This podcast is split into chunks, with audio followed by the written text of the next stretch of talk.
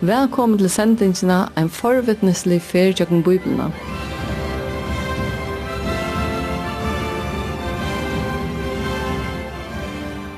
Og hese senderøyene fer vi saman a ferast i tjøkken bøyblina, for jeg får innlitt i dette stora og spennandi økje som bøyblian er.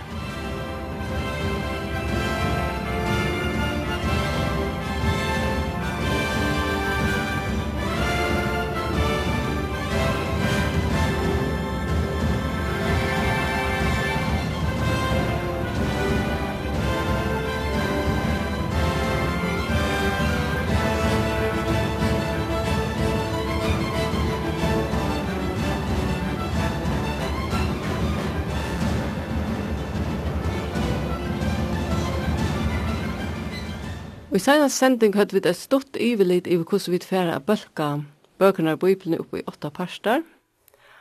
Og så tåsa vi det sinter om tydningen av Oregos og om søvene.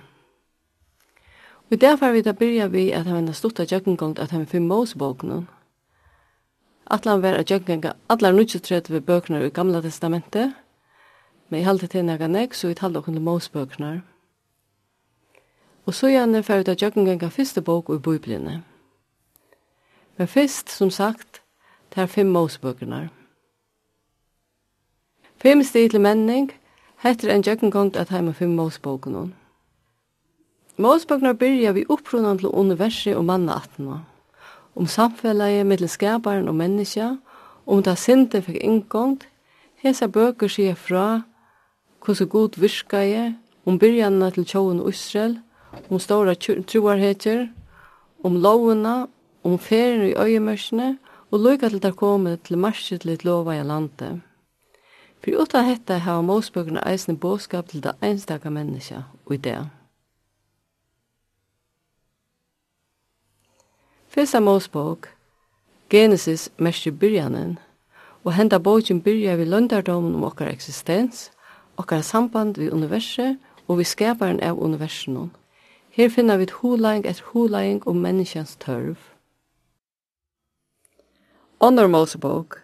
Og hese bokene leser vi om søvna til Moses, om påskenar, om det Israels folk fortjøkken reihava, og da god gav jødiske tjåene bojen ja Sinai. Søvan i Exodus er søvan om det Israels folk kom ut ur fralse. Tria Mosebok. Nu tar Israels folk er frie ut, må de læra hvordan de skulle leva som et folk som er utvalgt av gode.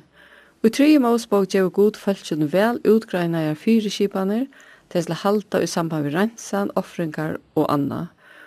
Og i hese bog kommer nek fram om låsang, heilagjering og luttne. Fjøra Mosebok. Hette søvan om ødel mistøkjen i øyemørsene, og i hese bog er i ødel nye skriva i en avvaring eller en avminning for okkon som kom atan av. Fymta målsbok er sjøvan om ta vi gjør seg av nutjen til god, og boken enda vi lyftenon om alle de skikningar som de få som halda seg nær til god.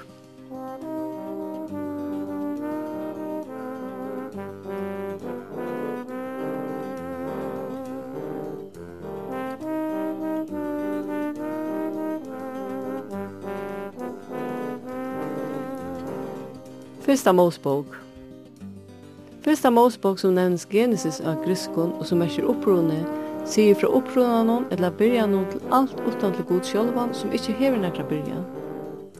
Hette er fyrsta av fem Mosebokon som i Lukas 4.24 sema var nevnt av loven etter tåreine.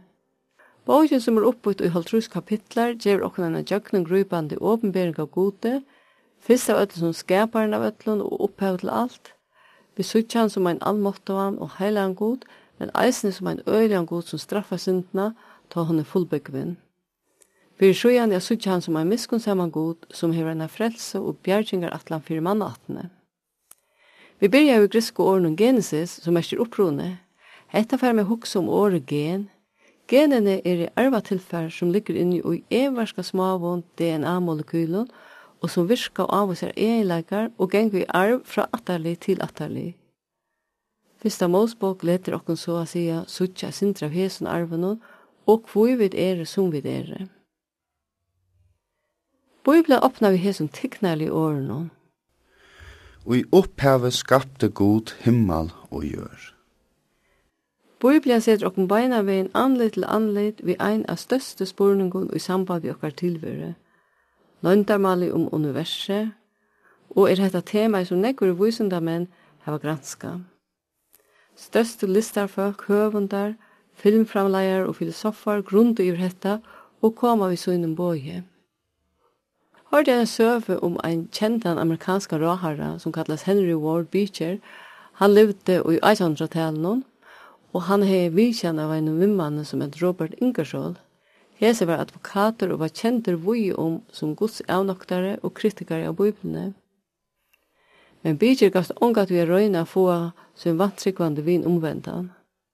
Og hese vidjan greide Ingersoll fra en spennande bok etter Charles Darwin som han just hei lise, og i henne var greit fra hvordan alt var vår til utan hjelp fra nøkron gode.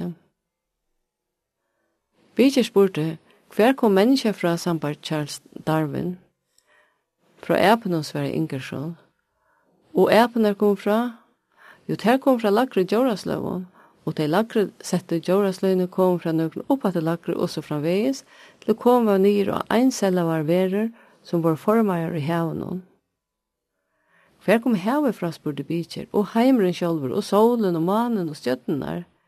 Inger så kort i hendene og dessverre, det kom bare. Og hun tør var ikke en mystisk goddom for jeg kunne forklare dette.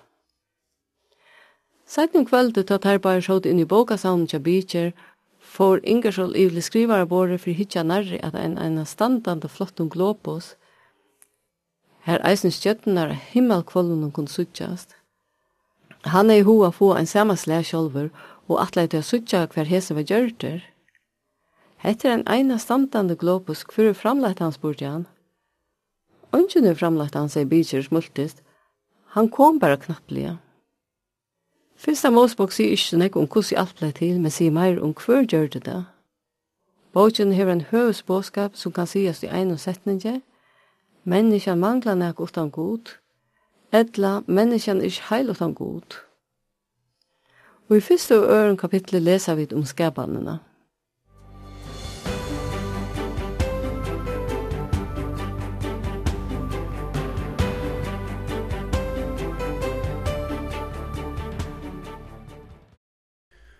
Fyrsta Mosebok, kapittel 1, vers 1 og 2.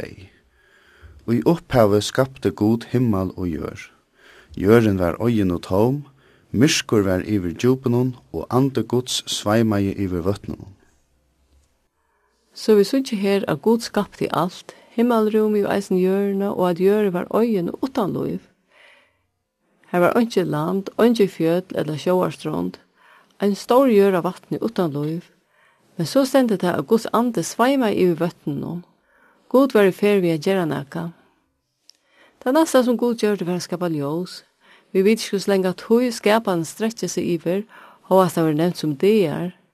Hette er ikke nekka som bogen legger dent av. Her er som åt vi sagt fra at skapan ikke fyrir fram i einon, men stivbost. God sier vær ljós, og ljós vær. Så kunne vi lesa vujare hos god skilte sunter og skapte torlende, som han kallar gjør, og hos han sier at gjøren skulle bli orster, fre, fruktre og så framvegis.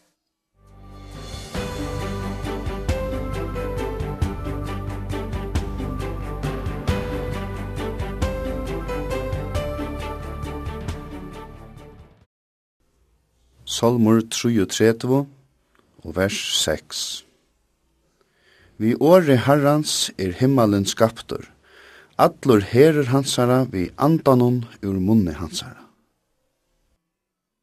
Jeg minnes fra min skolatøy at okkar kristne lærer ofta siterer i et solmeørende i samband med Guds skaparverk. Det er kjent ørende, som jeg var er snar. Og gjengu kongar framare og vustu megi mesta Tar meknaðu ei minsta ble a notulegg at festa. Fáur man ha du a lust skaparverkir så som brorsson vi hesson sanchinon, heter en perla, og vi slå nu høyra han sungna av norjusk piekår. du vel etter åren hon.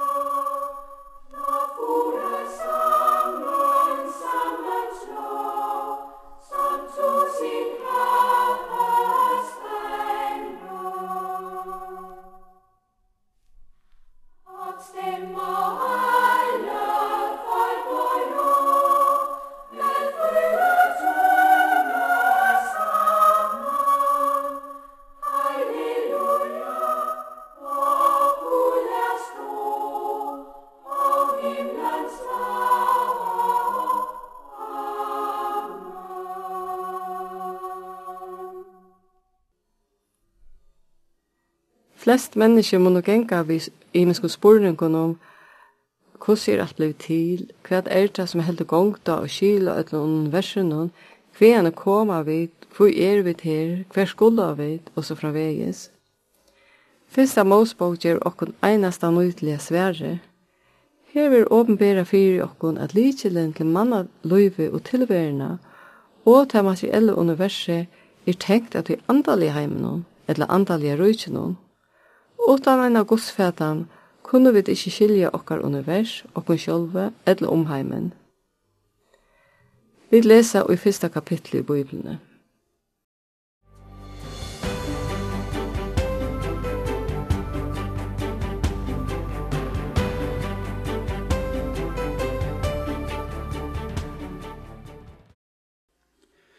Fyrsta Mosebok, kapittel 1, og vers 26. Så sier Gud, Læt i okkun gjera menneske og i boila til okkara til a vera okkun luik. Hon skal roa iver fiskunun og sjånun og fuglunun under himle, iver fænun og iver atlare, gjørene og ötlun skrytøyrun og i a gjørene skruja. Her sjutja vit a god helter så a sier ra og menneska. Etter er eisen fyrste fyr a vit får vær hoan av a god i meir enn ein personer, Lekla året og menneske i hesen verset er at det skulle gjerast og gods bylade til å være god og lukt. Hever nok ikke meint vi en lukka som finnes i manna kroppen og eller salene, men i hans anda. Så la som Jesus sier vi kvinna vi Samaria brunnen.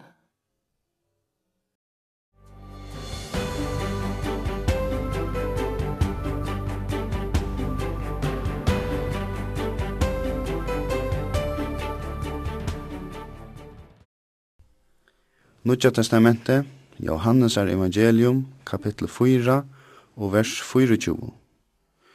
God er ante, og tei som tilbya han, må tilbya og i anda og sannleika. Og i øren kapitlet leser vi mittel annet om ta god skapte kvinnerne. De kunne sjølve lese hetta, to ikkje stundra tåsa meir om sjølva skapanna. Men vi får vujere og teka til neste trutja kapitlanar. Hese lýsa sambandi mittel menneske, Hetta søvan um menneske frá Adam til Noah, og her møta vit fyrstu for familiene, Hetta familieminstre sum hevur obrøtt åbrat tusunda vís av Aron og mannasøvne, hetta sum enn er grundarlei og sulunar undir samfelagnum. Ta menneske byrja at øye letja familieløyve, ta sintrast eisen samfelagi. Hes kapitla løysa samstundsta skaiva som menneskin gjørte i samband vi ånder, Du kan lese om hvordan Adam vraka i Guds atlan og miste paradise, og hvordan Kai vraka i Gud og gjør straffsmøver. Sett den første Mosebok sutja vi hvordan menn som Jakob og Lot var i årsøk til at bæge tar sjolver og tar av familie finner djupsvar. Her sørst du myndene av tog som vi til det kunne kalla en av dysfunksjonelle familie. Hette menneskene søva. Freisning og fall er okkur ikke åkjent, Vi tar öll hørt røddina tja frestaron og kjent syndina lokkande, og vi kjenner öll til skuldarkjenslina som fylgje vi. Ta Eva hei eti av fruktene og gav mannen og han at, ta byrja i myskri a komme i mannaatna, hetta som Bibelen kallar deie. Tei var rikin ut ur ursakernon, og kirupar vi loande svøre vår setter a halda vakt i vevenon til lufsinstrea.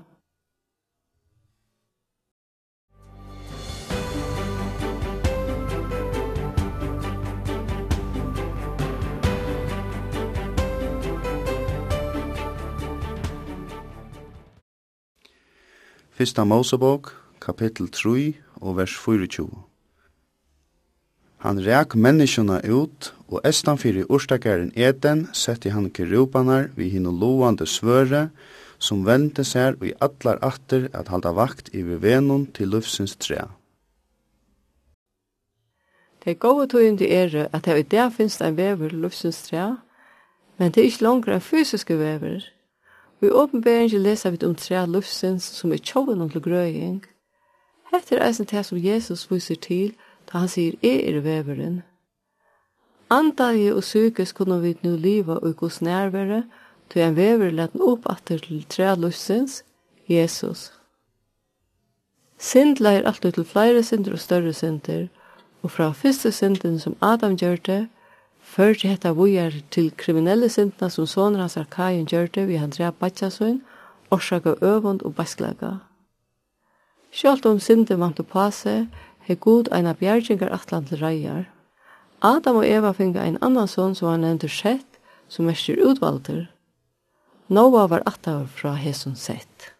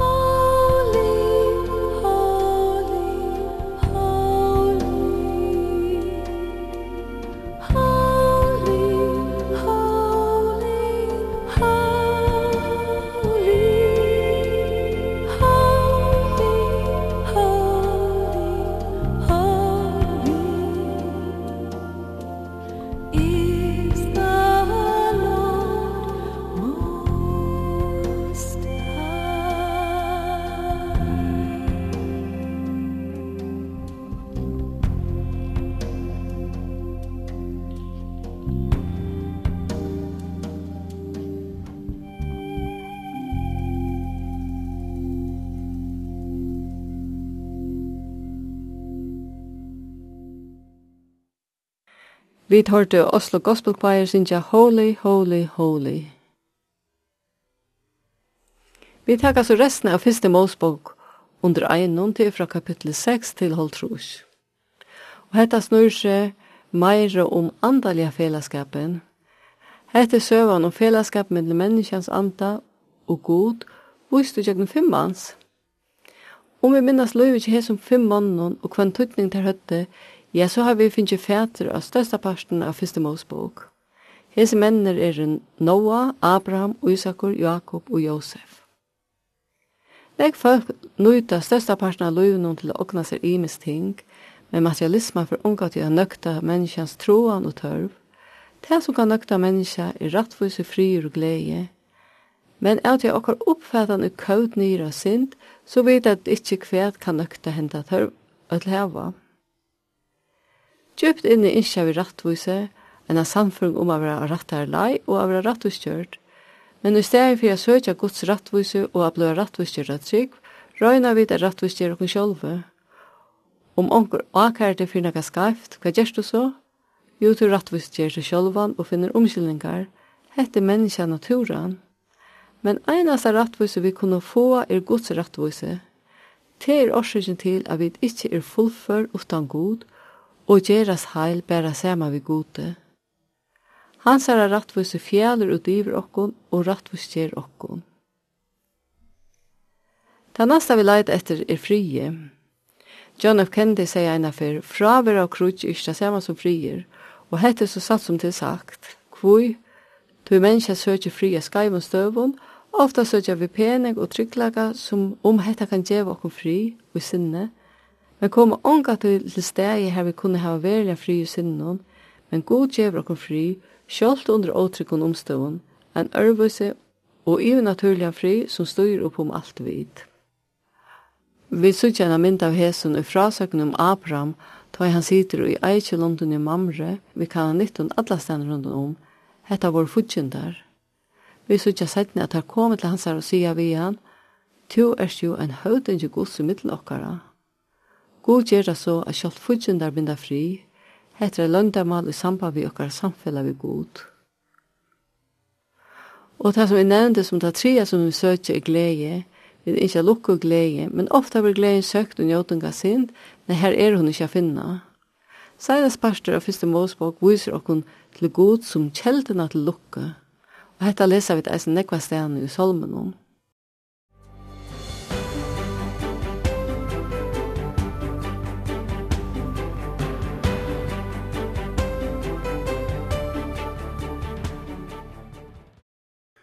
Fyrir asjon tøyne er gleden fullkommen, løvsela er vi høgru hånd tøyna og i allar æver. Solmur 16, vers 11. Og Rombravi 14, 16, Tøy rujtje gods er ikkje at eta og drekka, nei det er rattvise, glede og frigjur og i heilige andan. er så nekka tøy som fyrsta Mosbok tåser om at sånn lukka, hetta som folk tro etter, finnes best av mennesker grei iver, at best av god er uibyggvande enn menneske er møvelt av fri og glede. Hetta færa vita lyse jokken løyve, tja hesu nevnte fem mannen. Den første er Noah. Noah var en medover som får i jokken en symbolskan deia, som vattflåen er mynte mynd av. Han var omgjyrd av flåene, han var vardur jokken henne, han var frelster fra flåene til han var i ørskene. Domsvøttene og dessvøttene kunne ikke komme i han.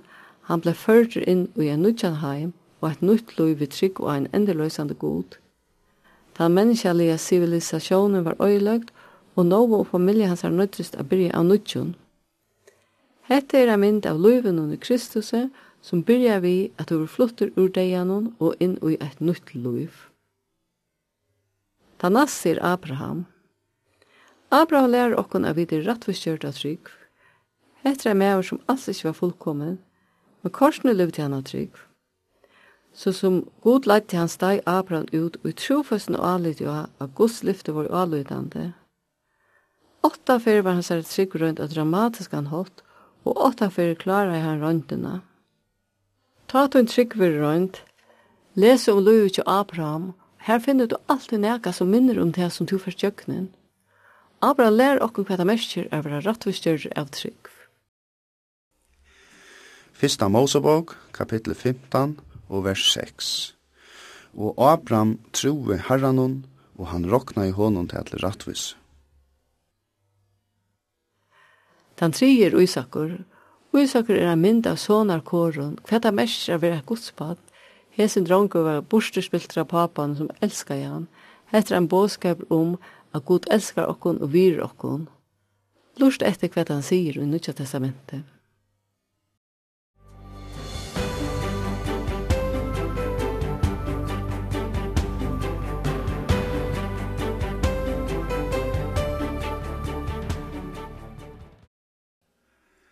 Fyrsta brev Johannasar, kapittel 3 og vers 2. Tid elskau, nu eru vid bøtten gods, og ikkje er åpenbæra enn hva vi skulle vera. Vi vita at ta i han åpenbærast, skulle vi vera og løyk, tog vi skulle suttja han som han er. Så gjerne kom til Jakob. Jakob var en snøytare, en maver som helt han kunne liva som honom liste, og Han får ut og snutt i ødel, og enda vi sjálfur avra snutter. Her er rett gjørt han mismun av synen sinun og hei hetta sirkiljar avlægingar. Hans alt detta så Jakob er mynd av heilagjering, et verk som god gjer ut av en tryggvande.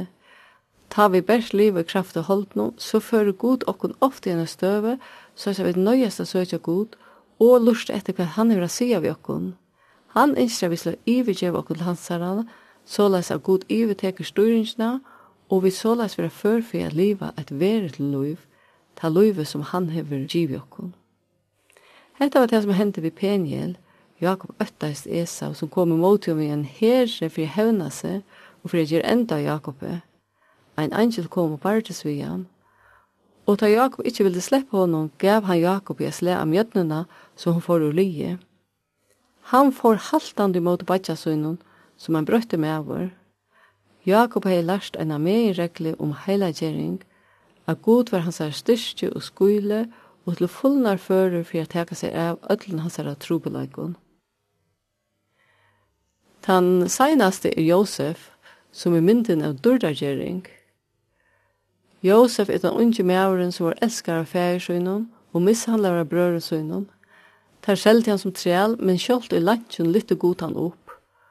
Løyve tjónen gonger opp og nyer. til eine løtene er han høgt og metun tja Potifar, for sjøen av blekar fangsel. Etter dette gjerst han rædje og tja faro i Egyptaland, og sætne gjerst han nast hakse leier i landet om. Løyve Josef talar i mynden om vågna som ölltryggvand heva, hverjen hitja vi fram og imot i etter degen. Utfruja fra myskre og pyne og fra fangselen vi tar liv og og at vera litt upp til trona og til nærværende av gode sjølvun. Men hvordan til åkna i Josefs ser gods utfrujan i sin egna løyve, vi trygg.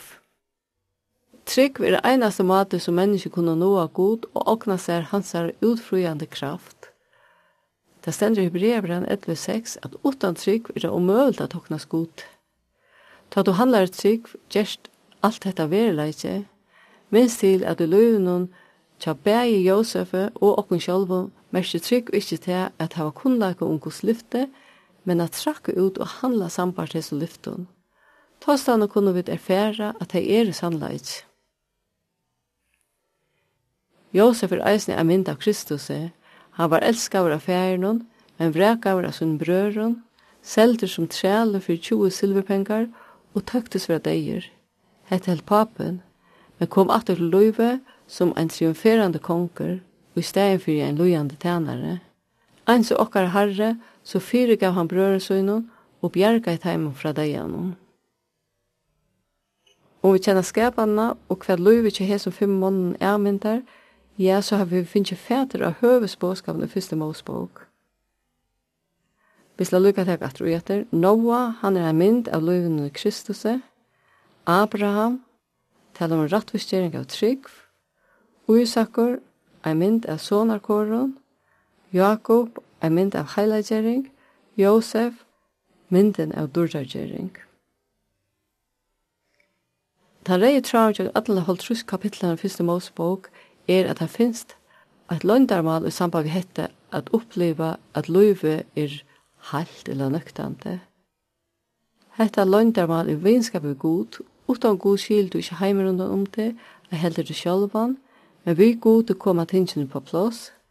Hetta løyve er i dagligum fellesskapet vi hin livande god, som var byrjanen, som skapte himmel og gjør, og menneska og sin egna bøylade, og ikkje livande fellesskap vi hese menneske som han skapte kærlaga. Vi kunne sige at fra byrjan til endan er bøyblan er kærlagsbrev til manna attena. Hetta var så tar fyrste kapitlaner av hesum brev.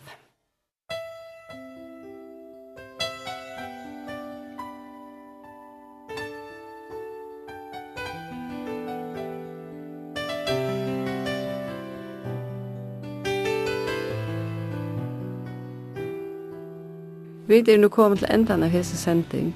Bråtene ur Bibelene leser Jomfru Petersen og Lachtli Rattes hever Edna Haberg.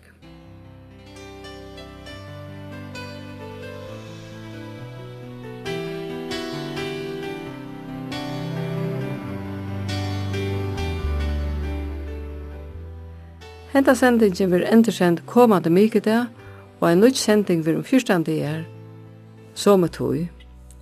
Ta vit vi til Jøkningenke er en Mosebok, her vi mitt anna fer høyre om ta Israels folk for i om hava og om de tutje bøyene.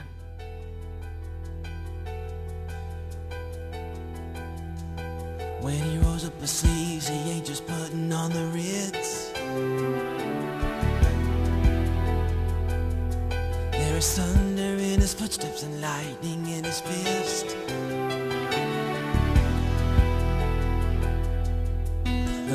wasn't joking when he kicked him out of Eden It wasn't for no reason that he shed his blood His return is very close and so you better be believing That our God is an awesome God.